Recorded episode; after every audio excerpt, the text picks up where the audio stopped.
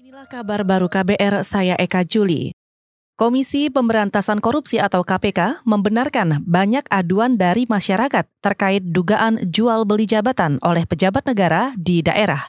Wakil Ketua KPK Alexander Marwata menilai terulangnya suap jual beli jabatan di daerah karena pejabat negara di daerah merasa tidak diawasi dan inspektorat kerap tidak melaksanakan fungsinya dengan baik. Di daerah-daerah itu mereka merasa nggak ada yang ngawasin dalam proses pengadaan barang dan jasanya, dalam proses rotasi, rekrutmen, promosi pegawai nggak ada yang ngawasin, kemudian dalam proses perizinan nggak ada yang ngawasin. Saya berpendapat seperti itu. Karena apa? Inspektorat itu nyaris nggak ada fungsinya. Tapi kalau nah, gitu. Perlu di-upgrade dan dari sisi kelembagaannya perlu dibuat agar independen gitu loh. Makanya kemarin kita sudah usulkan ke pemerintah ke presiden. Wakil Ketua KPK Alexander Marwata juga mengusulkan agar independensi aparat pengawasan intern pemerintah ditingkatkan. Usulan itu agar APIP percaya diri dalam kapasitasnya yang diperkuat dengan orang-orang berkapasitas tinggi pada lembaga itu. Baru-baru ini KPK melakukan OTT kepada Bupati Kudus M. Tamzil dengan dugaan kasus jual beli jabatan.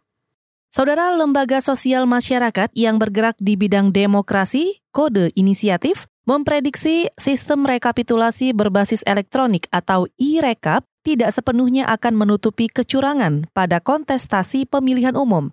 Menurut Ketua Kode Inisiatif Ferry Junaidi, e-rekap bisa menekan kecurangan hasil pemilu nantinya karena dapat memangkas waktu perjalanan suara dari TPS menuju rekapitulasi di tingkat nasional.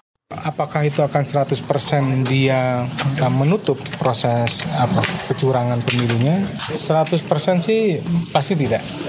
Tapi eh, sistem itu diharapkan nanti justru akan menekan kecurangan terkait dengan hasil pemilunya. Salah satu adalah eh, jual beli suara ya, yang mengakibatkan penggelembungan dan pengembalian suara. Ketua Kode Inisiatif Ferry Junaidi menambahkan, potensi kecurangan tetap bisa terjadi.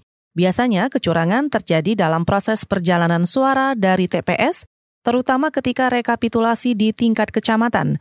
Kode inisiatif mencatat permainan suara di tingkat bawah itu yang berdampak pada perselisihan suara.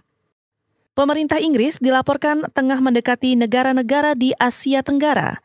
Inggris diperkirakan hendak membidik pasar dan peluang bisnis di kawasan itu sebagai persiapan menjelang keluarnya negara itu dari Uni Eropa atau Brexit pada Oktober mendatang. Menteri Luar Negeri Inggris Dominic Raab bahkan akan hadir dalam pertemuan Menteri Luar Negeri anggota Asosiasi Negara-Negara Asia Tenggara atau ASEAN di Thailand. Sebelumnya Uni Eropa memberi tenggat terakhir bagi Inggris untuk hengkang dari blok itu pada 31 Oktober mendatang dan membuat perjanjian kerjasama untuk mempertahankan proses perdagangan di antara kedua belah pihak. Menurut kelompok yang menentang, keputusan itu bakal merusak alur perdagangan dengan Uni Eropa, mitra dagang terbesar Inggris. Sedangkan mereka yang mendukung Brexit mengklaim justru Inggris diuntungkan jika keluar dari Uni Eropa. Salah satunya, Inggris bisa membuat perjanjian perdagangan baru dengan negara lain ketimbang hanya dengan Uni Eropa.